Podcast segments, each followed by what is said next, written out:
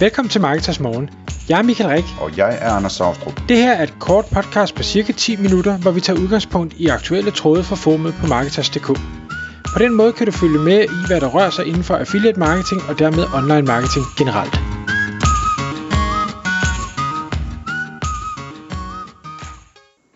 Godmorgen Michael. Godmorgen Anders. Uh, jeg glæder mig til dagens emne. Det handler nemlig om ekstra forretningsmuligheder, hvor du har taget et par cases med og, og nogle idéer til os. Det, øh, det er sådan en, øh, en, en total favorit øh, ting at, og, at tænke på nye forretningsmuligheder, ikke? Lige indtil man skal, man skal udføre dem. ja, det er rigtigt. Idéerne er nemme, ja, eller nemmere. Ja, ja. Nej, men det er et fedt emne, så det glæder jeg mig til at høre om, hvad du har taget med. Ja, altså øh, igen, øh, jeg, jeg, øh, jeg følger jo en masse mennesker rundt omkring, og, og den gang, der, det, der var det et tweet, jeg faldt over, hvor jeg tænkte, hov, det er jo da faktisk, øh, det, det giver da rigtig god mening, det her. Øhm, og det handler, som sagt, om at sige, okay, uanset om du er øh, forretningsdrivende, eller du er affiliate, eller du er coach, eller øh, sidder i et advisory board, eller bestyrelser, eller whatever det er, du laver, og så sige, jamen kan du bidrage til øh, debatten øh, med kreative vinkler, øh, som for eksempel kan, kan måske øh, fremhæve øh, problemstillinger eller mangler, og så samtidig også sige, okay, jeg har, jeg har spottet de her ting, måske, og jeg ser nogle muligheder, og hvordan kan vi, og hvordan kan vi tage de her muligheder og, og løbe med dem? Eller hvordan kan andre tage de her muligheder og løbe med dem?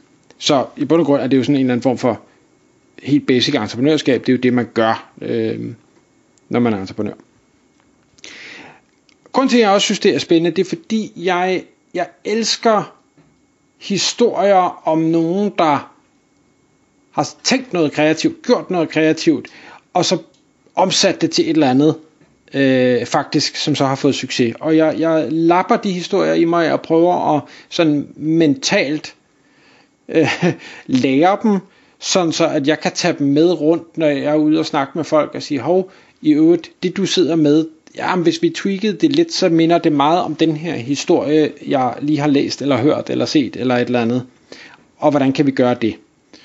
Øhm, så, så når jeg sidder ude i de her forskellige øh, advisory boards, jamen, så, så har jeg ofte sådan nogle ting med, og mange af historierne er i bund og grund de samme. Altså det er ikke fordi, jeg har sådan et, øh, et katalog med 100 historier, men jeg har måske et katalog med 10-15 historier, øh, som jeg lige sådan kan huske top of mind, der kan tweakes og bruges. Og, og et eksempel øh, fra dem, og jeg, jeg har måske nævnt det i podcast før, det kan jeg ikke huske, jeg bruger det i hvert fald ofte, det er, øh, og det er ikke engang det, jeg fik, men jeg læste en historie om en, øh, en fotograf, professionel fotograf, som øh, normalt med de her professionelle fotografer, jamen så får man jo en eller anden form for en, en opgave, og det kan være en enkeltstående opgave af forskellige størrelser, det kan være et, et løbende samarbejde, ting og sager. Men den her fotograf ville gerne noget mere, og kunne godt tænke sig noget, som ikke krævede hans tid. Og en af de ting, han øh, kom frem til, det var, at, øh, at som fotograf, øh, så tager man jo et hav af billeder, og det er kun nogle af dem, der bliver brugt. Men han, han lærede alle billederne på en, en øh, NAS, eller i skyen, eller hvor sådan han nu lærede dem, inklusiv de efterfølgende udvalgte og retuscherede billeder, der, der nu også øh, var, var blevet brugt og, og solgt til, til de forskellige kunder. Og han gemte de her billeder nærmest fra, fra han startede til, til nu. Altså så han havde måske 10 års billeder, eller 20 års billeder, eller et eller andet, liggende læret, liggende kategoriseret, øhm, både det, der ikke blev til noget, og det, der blev til noget.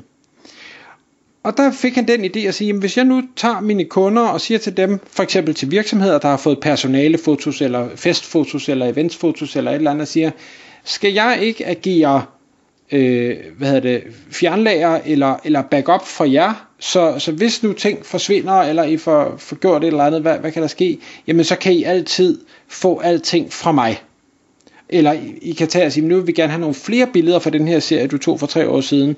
Øh, kan vi det? Og så kan han tage dem frem og sige, jamen det kan vi godt. Og for den service, så skal I betale 500 kroner om måneden. Eller eller 500 kroner om året. Whatever.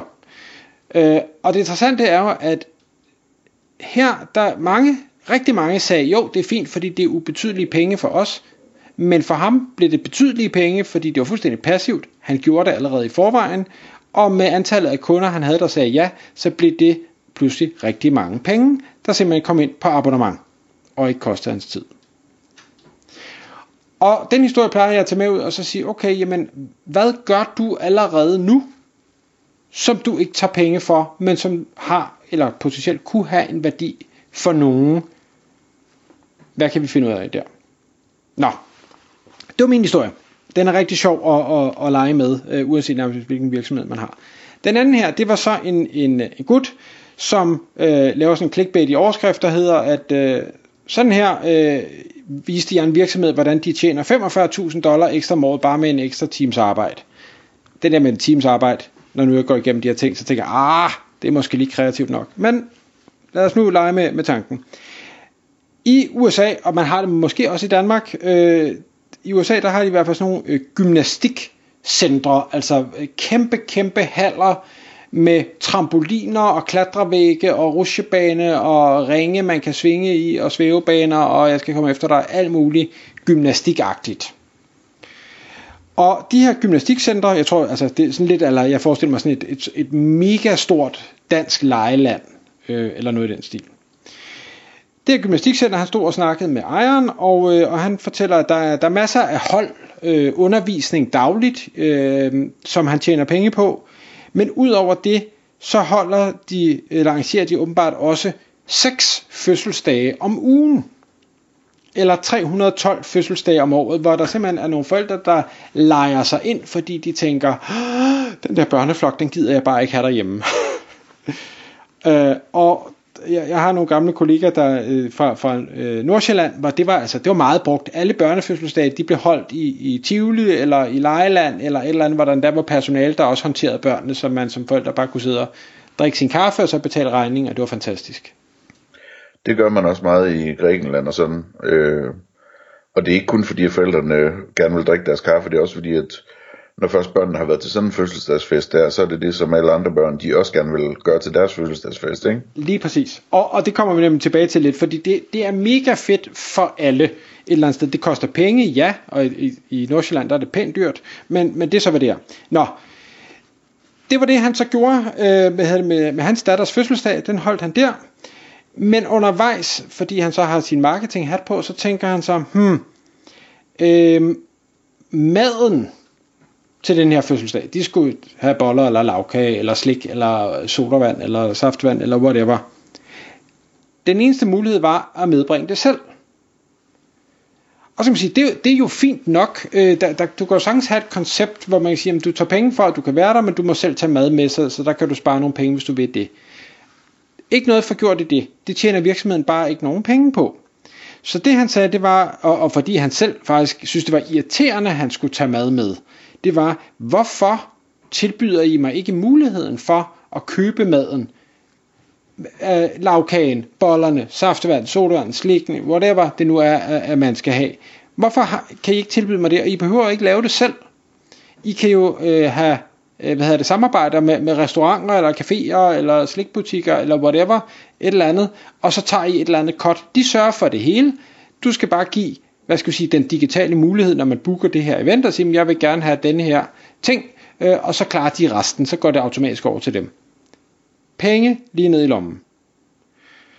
Øh, og det synes jeg, det, det kan jeg jo sagtens følge, for jeg tænker, hvis, hvis du er personen, der køber dig ind på det her, fordi åh, oh, det overgår du bare ikke at arrangere selv, jamen så overgår du nok heller ikke at arrangere maden. Win-win hele vejen rundt. Nummer to, det var pynt.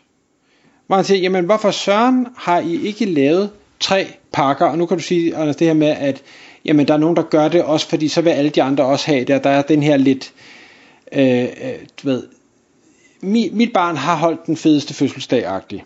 Øh, og, og så siger han, pynt, jamen selv de tre pakker, øh, god, bedre, bedst, altså øh, det kan være temapakker, det kan være whatever, øh, med, med serpentiner og ballonger og flag og girlander og øh, klovne og jeg ved ikke hvad der ellers skal være i en, en, en pyntepakke.